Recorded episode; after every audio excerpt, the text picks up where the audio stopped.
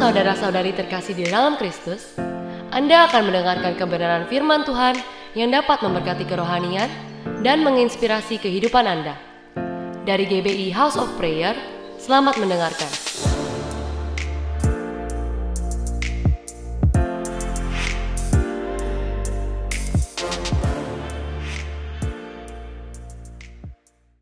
Katakan setelah saya, kemenangan. Anda ingin mengalami kemenangan yang besar atau kemenangan yang kecil? Artinya Anda butuh masalah besar atau masalah kecil? Tidak ada kemenangan tanpa peperangan. Semakin besar peperangannya, semakin besar kemenangannya. Dan Tuhan ingin memberi Anda dan saya kemenangan yang besar. Karena itu sering kali Tuhan izinkan Anda dan saya yang lewati masalah yang besar. Tapi apa kunci kemenangan dalam hidup kita? Katakan setelah saya, perspektif. Ya, sudut pandang. Ya. Life is all about how we see things. Hidup itu sesungguhnya adalah bagaimana cara kita melihatnya. Sudut pandangnya, itu menentukan hidup kita. Masalah terbesar kita bukan masalah kita, tetapi sudut pandang kita melihat masalah itu. Bisa katakan setelah saya, Masalah terbesar saya bukan masalah saya. Setiap orang pasti punya masalah. Setuju? Anda kaya tetap punya masalah. Anda nggak kaya-kaya pun masalah ya. Anda menikah punya masalah. Anda nggak nikah-nikah. Bujang lapuk kata orang Malaysia. Anda ikut Tuhan punya masalah. Anda tidak ikut Tuhan tetap punya masalah. Jadi bilang sama sebelahnya, semua orang punya masalah. Masalahnya kamu orang atau bukan? Kalau kamu orang, kamu pasti punya masalah. Tapi Anda harus sadar hari ini, stop complain tentang problem. Saya tuh mendidik jemaat yang Tuhan percayakan. Jangan kalau ngumpul tuh ngomongnya masalah terus, masalah terus. Coba sadari sore ini masalah kita yang sesungguhnya bukan masalah kita. Tapi sudut pandang kita melihat masalah kita. Tuhan memakai masalah untuk mengangkat kita. Kalau saya tanya hari ini, saudara mau jadi kepala atau jadi ekor? Anda ingin tetap naik atau turun? Bagaimana caranya Tuhan mengangkat kita? Pakai masalah. Tuhan pakai Goliat untuk mengangkat Daud. Tuhan pakai Firaun untuk mengangkat Musa.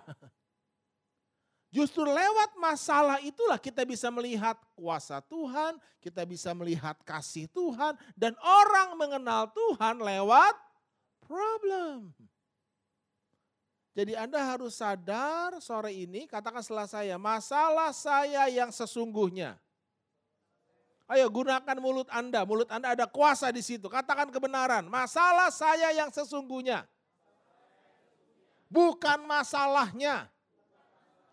Namun sudut pandang saya. Perspektif saya. Amin. Kita lihat kisah 12 pengintai. Ketika mereka diutus untuk melihat tanah yang Tuhan janjikan. 12 pengintai ini melihat tanah yang sama atau tanah yang beda. Mereka melihat tanah yang sama, mereka melihat raksasa yang sama, mereka melihat tembok Yeriko yang sama. Yang membedakan apa? Perspektifnya.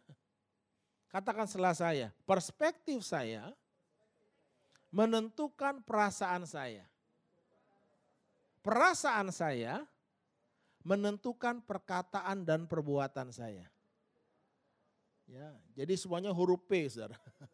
Kata semuanya, perspektif mempengaruhi apa? Perasaan. Kita lihat ya, kalau kita buka dalam bilangan 14 ayatnya yang ketiga. Bilangan 14 ayat yang ketiga. 10 pengintai dari 12 itu memberikan pernyataan seperti ini. Mengapakah Tuhan membawa kami ke negeri ini? Supaya kami tewas oleh pedang dan istri serta anak-anak kami menjadi tawanan, bukankah lebih baik kami pulang ke Mesir? Ini pernyataan orang optimis atau pesimis? penyataan orang pemenang atau orang pecundang.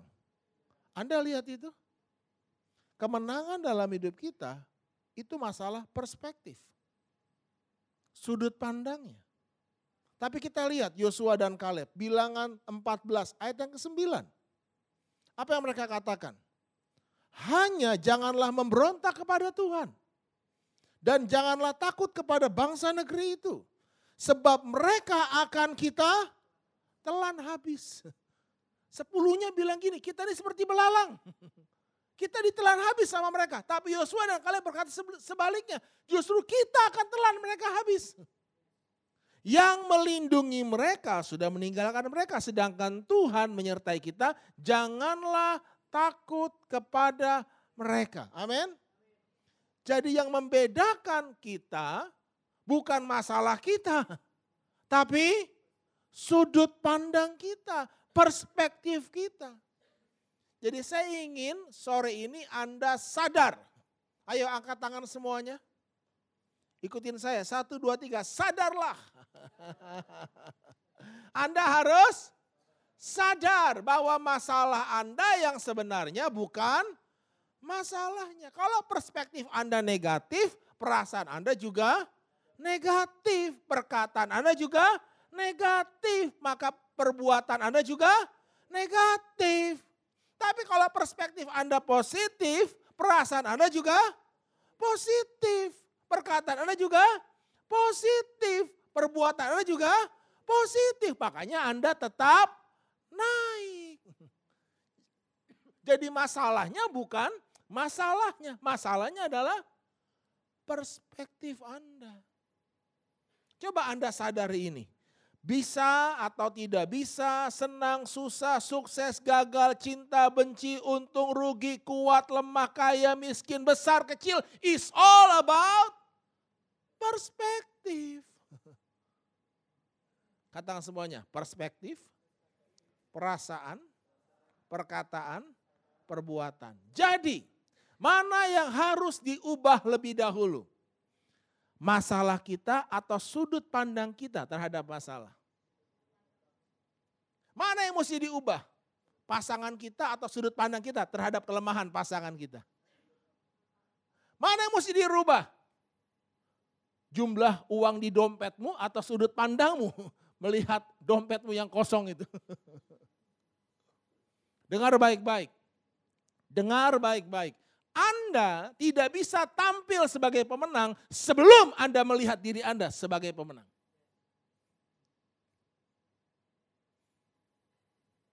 Satu kali Igede Prama, pernah dengar nama ini Igede Prama? Salah seorang sebutlah ya inspirator, bukan motivator, dia lebih tepatnya inspirator. Ya, dia menulis banyak buku juga, dia penulis, dia pengarang.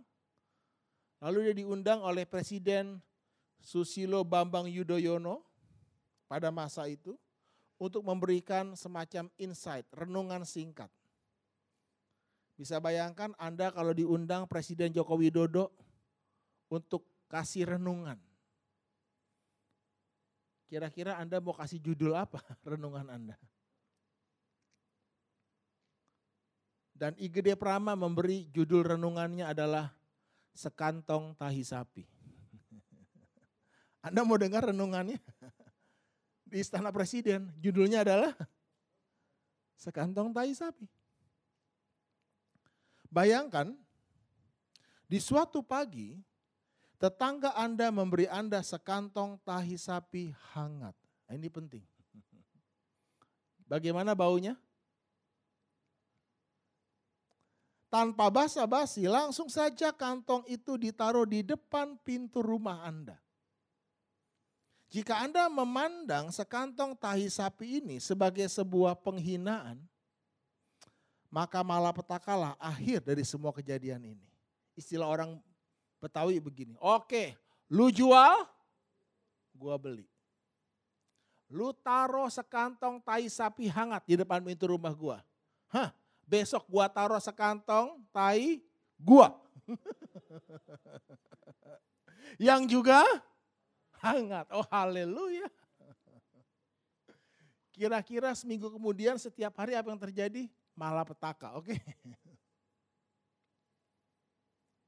Namun, jika Anda bisa memandang tai sapi ini sebagai sebuah pemberian, yakni pupuk bagi tanaman Anda, maka tai sapi ini bisa menjadi awal persahabatan, hubungan yang baik. Anda berkata, puji Tuhan. God is good all the times. And all the times, God is good. Anda tidak akan pernah punya hari yang buruk dengan perspektif yang baik. Tapi Anda tidak pernah memiliki hari yang baik dengan perspektif yang buruk. Anda berkata terima kasih, tulis surat kecil kartu ucapan, terima kasih untuk tetangga Anda. Terima kasih buat pemberiannya. Tuhan memberkati memang pas saya lagi perlu pupuk. Kok Anda tahu sih perhatian banget, makasih ya. Sarange.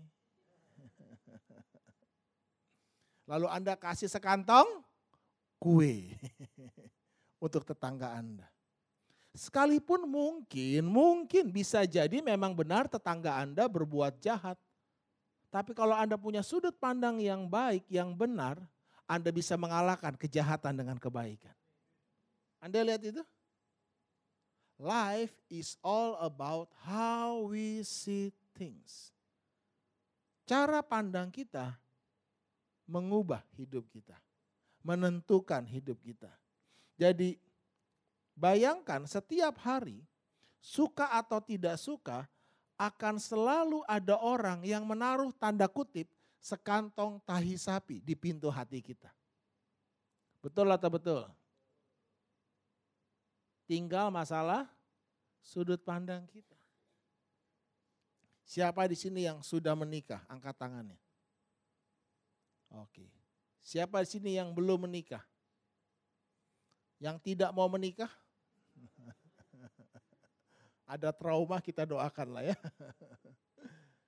Ada nggak pasangan yang sempurna?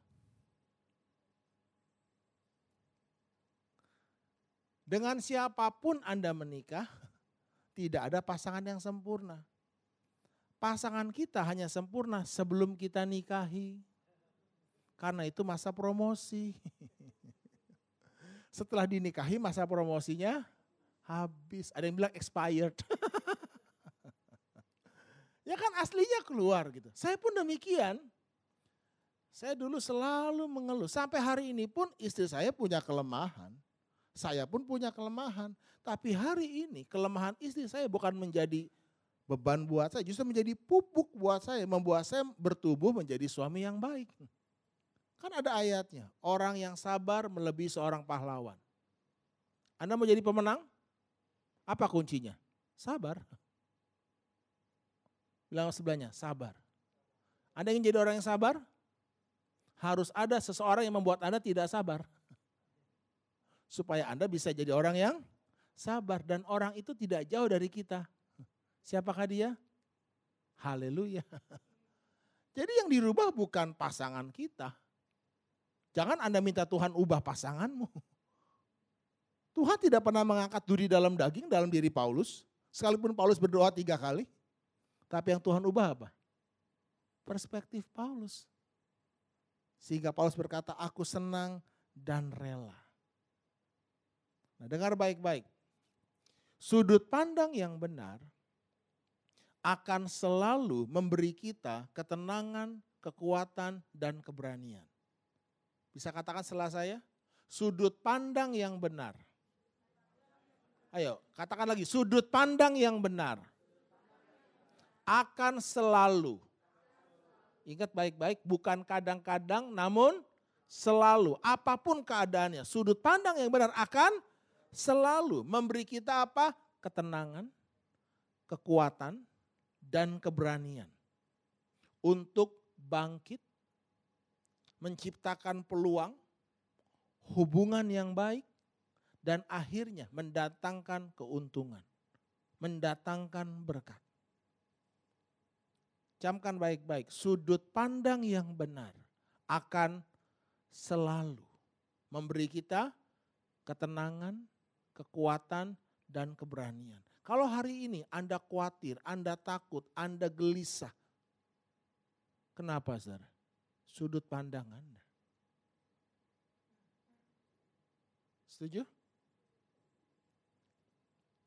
Saat belajar di sekolah, Tommy selalu mendapatkan nilai buruk dan mengecewakan. Ia dinilai tidak mampu mengikuti pendidikan yang diajarkan di sekolahnya. Begitu bodohnya sehingga semua guru di sekolah itu memilih untuk angkat tangan. Pada suatu hari, guru di sekolah memanggil Tommy dan memberikan sepucuk surat dengan pesan kepadanya. Jangan buka surat ini, berikan langsung pada ibumu. Tommy dengan gembira membawa surat itu dan memberikannya kepada ibunya. Setelah membaca surat yang disampaikan anaknya sambil berurai air mata, sang ibu dengan suara lantang membacakan isi surat itu kepada anaknya Tommy.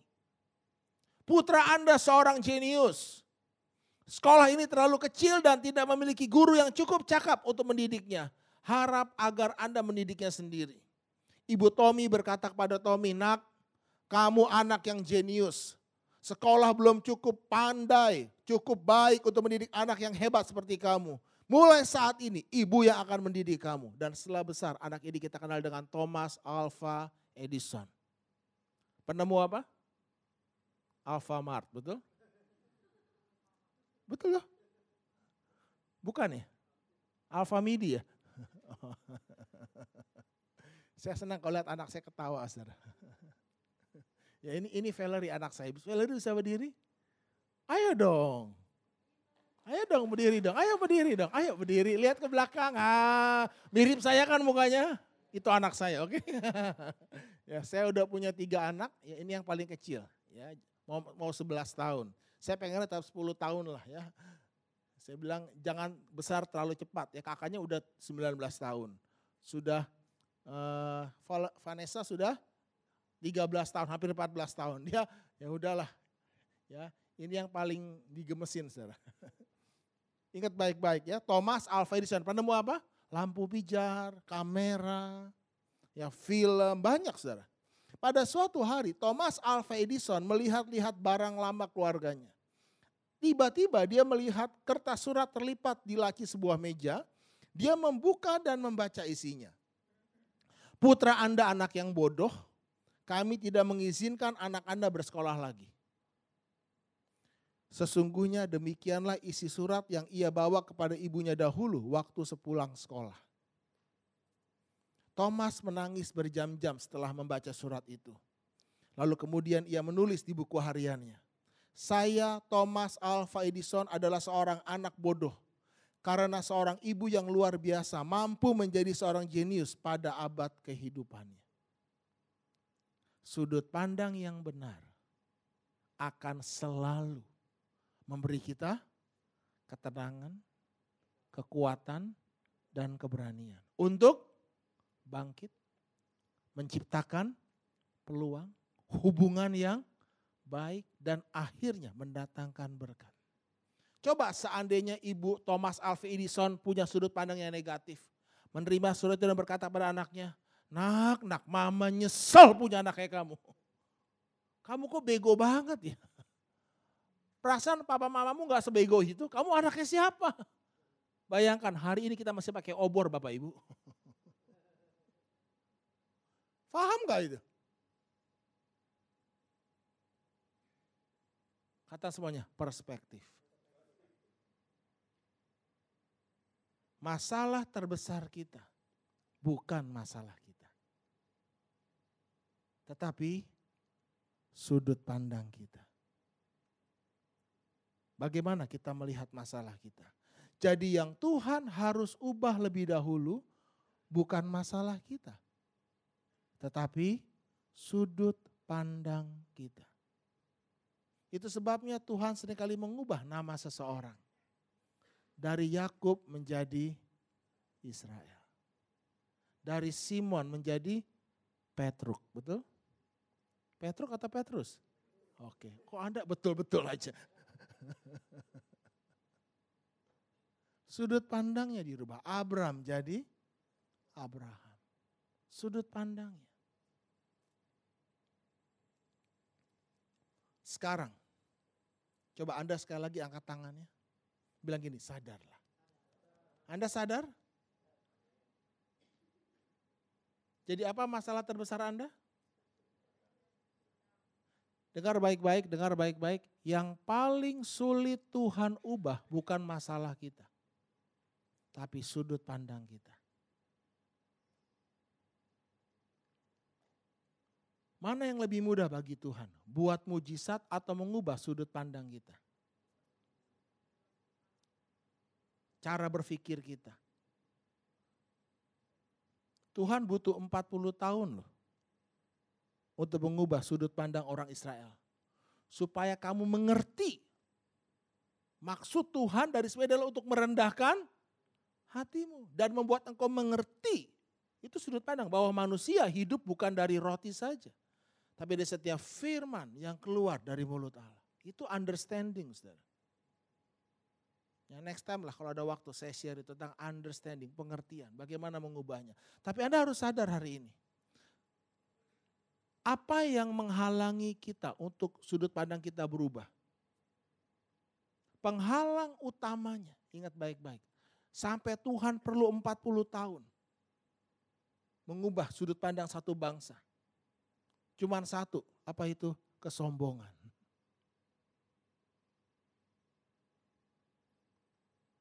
Kita baca ayatnya. Matius 7 ayat 3 sampai 5. Tolong tampilkan Matius 7 ayat 3 sampai 5. Mengapakah engkau melihat selumbar di mata suamimu, di mata istrimu, di mata anakmu, di mata saudaramu, sedangkan balok di dalam matamu tidak engkau ketahui? Bagaimanakah engkau dapat berkata kepada saudaramu, biarlah aku mengeluarkan selumbar itu dari matamu, padahal ada balok di dalam matamu. Ketika orang yang sombong melihat wajahnya yang kotor di depan cermin, percayalah dia akan berusaha keras membersihkan cerminnya, bukan wajahnya. Oke? Anda sadar nggak nih? Saya ulangi lagi ya, ada beberapa belum nangkap. Ketika orang yang sombong melihat wajahnya yang kotor di depan cermin, dia akan berusaha keras membersihkan cerminnya, bukan wajahnya. Saya tuh selalu berkata, ini istri saya. No, no, no. Saya sadar hari ini. Istri saya itu cermin saya. Anda kenal kan istri saya? Siapa? Oke. Ya, pendeta Sandy Sujak. Itu cermin saya. Anda mau tahu siapa saya? Lihat istri saya. Lihat anak-anak saya. Jangan nilai orang tuh dari khotbah gitu. Orang khotbah bagus belum tentu hidupnya bagus. Kita bisa main sandiwara di sini, saudara. Tapi kita tidak bisa main sandiwara di rumah.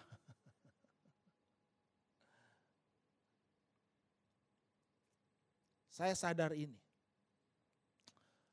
Kakaknya Valerie namanya Vanessa. Beberapa tahun yang lalu, mungkin dua atau tiga tahun yang lalu saya lupa persisnya. Saya belikan dia iPhone 5S.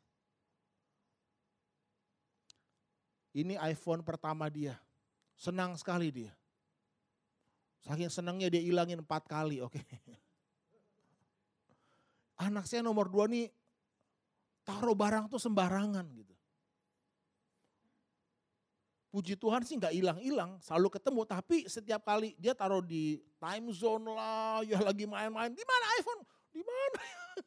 Saya marah-marahin kamu ini. Ketemu lagi, ya maaf. Tapi setiap kali dia salah, saya selalu bentak. Nah ini, ini anak saya ini Valerie saksinya.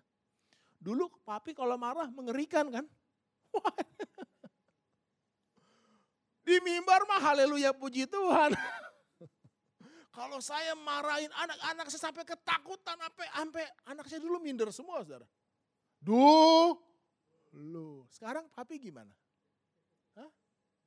Tanya, saudara. Ya, tapi ini ini awal Tuhan mengubah diri saya. Jadi kalau ngelihat kesalahan anak gini loh, tidak ada anak yang bermasalah tuh enggak ada. Orang tua bermasalah iya. Pak, anak saya punya masalah, anak saya bermasalah. Situ kali, ketika orang yang sombong melihat wajahnya yang kota depan cermin, dia berusaha keras membersihkan. Yang dibawa Pak Pendeta, tolong dong doakan cermin saya. Angkat tangan sekali lagi. Bilang apa? Nah ini sudah tiga kali terulang. Dan saya bentak terus lah. Sampai ketakutan, Vanessa itu sampai sedikit trauma saudara. Ya, sembuhinnya lama loh. Satu kali setelah tiga kali begitu saya udah kelewat emosi. Lalu istri saya tegur saya.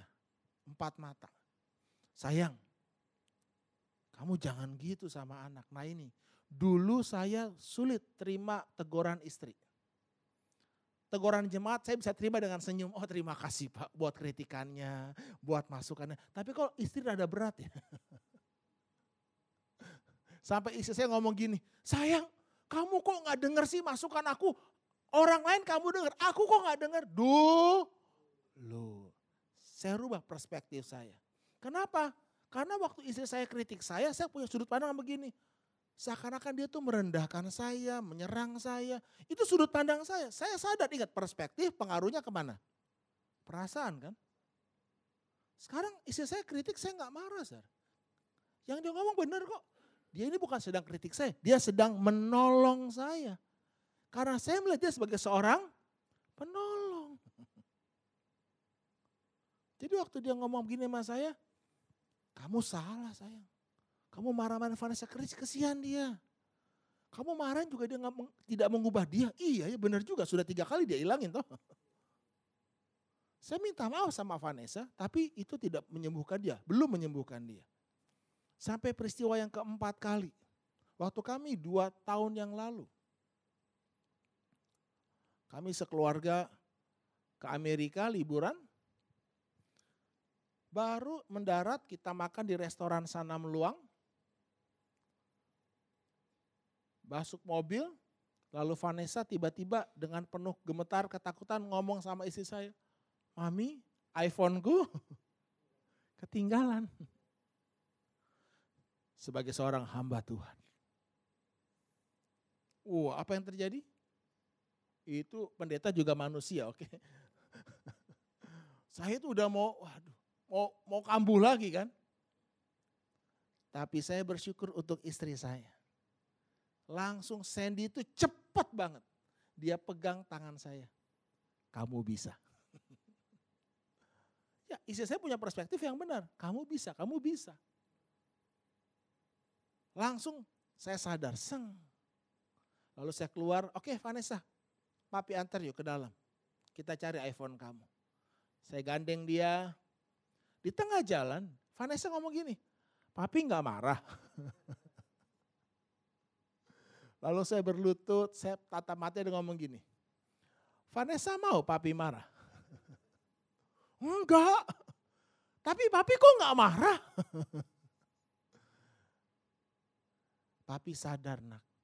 Ini saya keluarkan balok di mata saya. Papi sadar. Papi selama ini berbuat salah sama kamu. Papi marahin kamu, papi bentak kamu. Kan gak menolong kamu jadi lebih baik kan. Buktinya kamu ilangin lagi. Iya ya. Papi minta maaf. Papi sadar.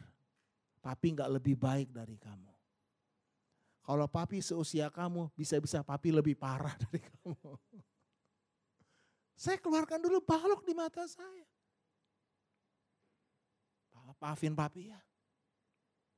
Itu menyentuh hati dia saudara. Lalu oke okay, kita ke dalam yuk lihat. Begitu mau masuk dia nanya gini sama saya. Tapi pi kalau hilang gimana? Langsung saya jawab dengan segera. Yang pasti papi nggak beliin lagi. Itu sudah pasti. Kamu harus nabung. Gini loh, saya tuh sadar. Anda harus sadar lah sebagai orang tua. Kalau anak kita udah bikin salah, dia udah pikul salib. Udah udah tertekan, udah aduh gak enak. Jangan kita orang tuanya naik ke atasnya lalu lompat-lompat lagi. ya udah kita masuk hadapi, tapi temenin yuk. Puji Tuhan ketemu Zara. Dan yang luar biasa, sejak hari itu sampai sekarang dia punya iPhone baru. Nggak pernah tuh dihilangin. Beri tepuk tangan dulu dong. Dan hari ini kalau saya melihat kelemahan anak saya, saya sadar sikap saya mesti benar. Sudut pandangnya harus benar. Istri saya punya kerinduan untuk anak-anak kami itu main piano, bisa main piano. Kami belilah piano. Biasa anak-anak baru beli mainan baru semangat kan. Beberapa bulan kemudian nggak disentuh lagi. Istri saya ngomel.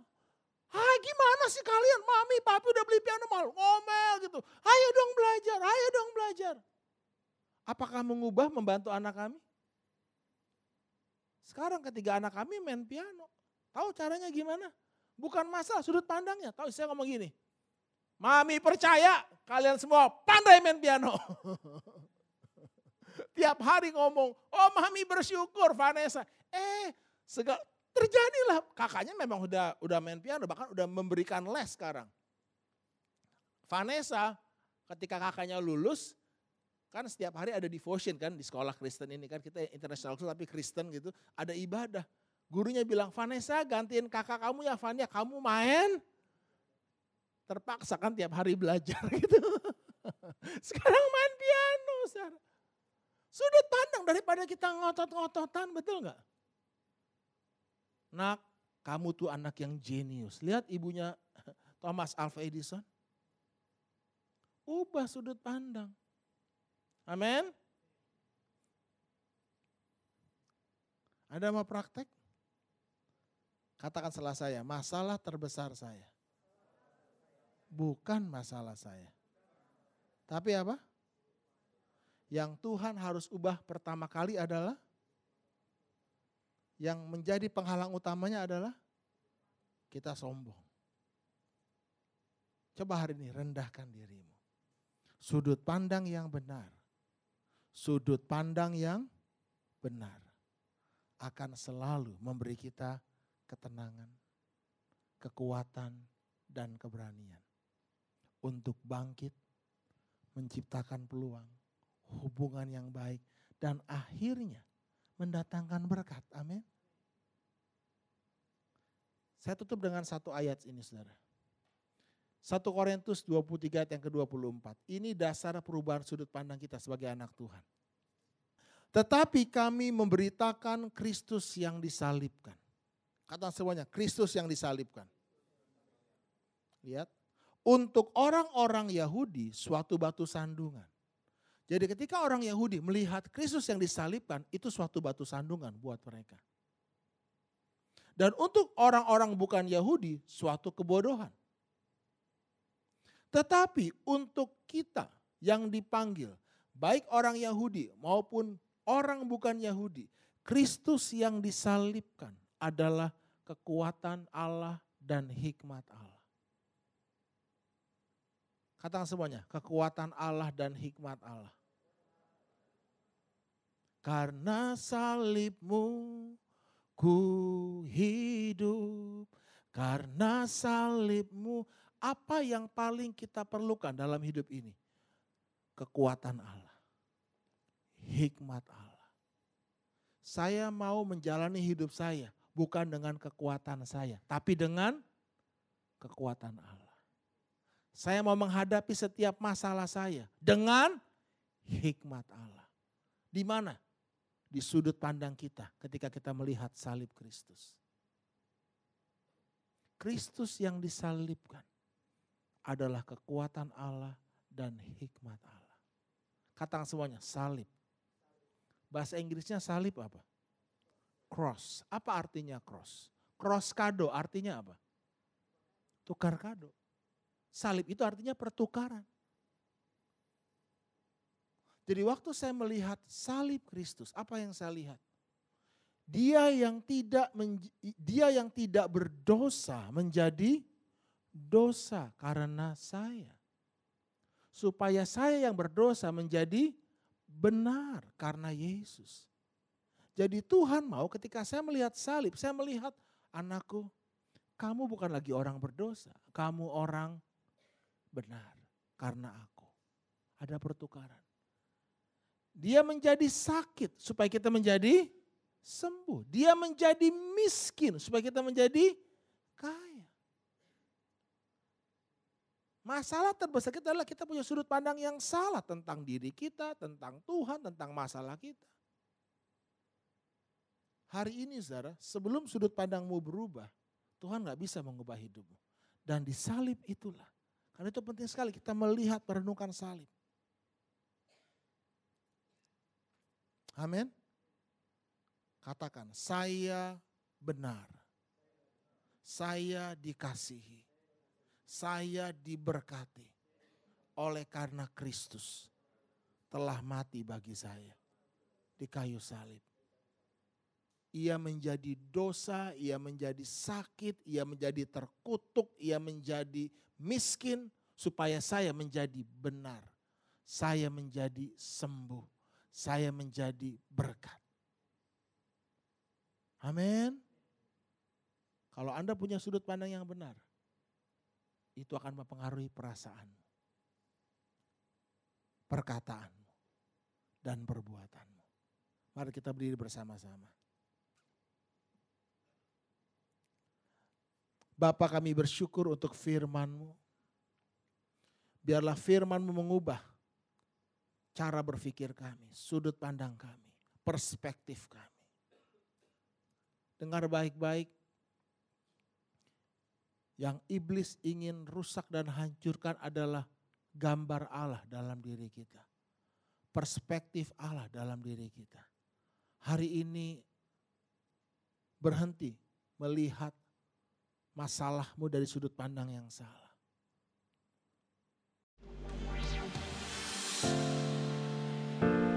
Anda telah mendengarkan sharing firman Tuhan yang disampaikan oleh hambanya.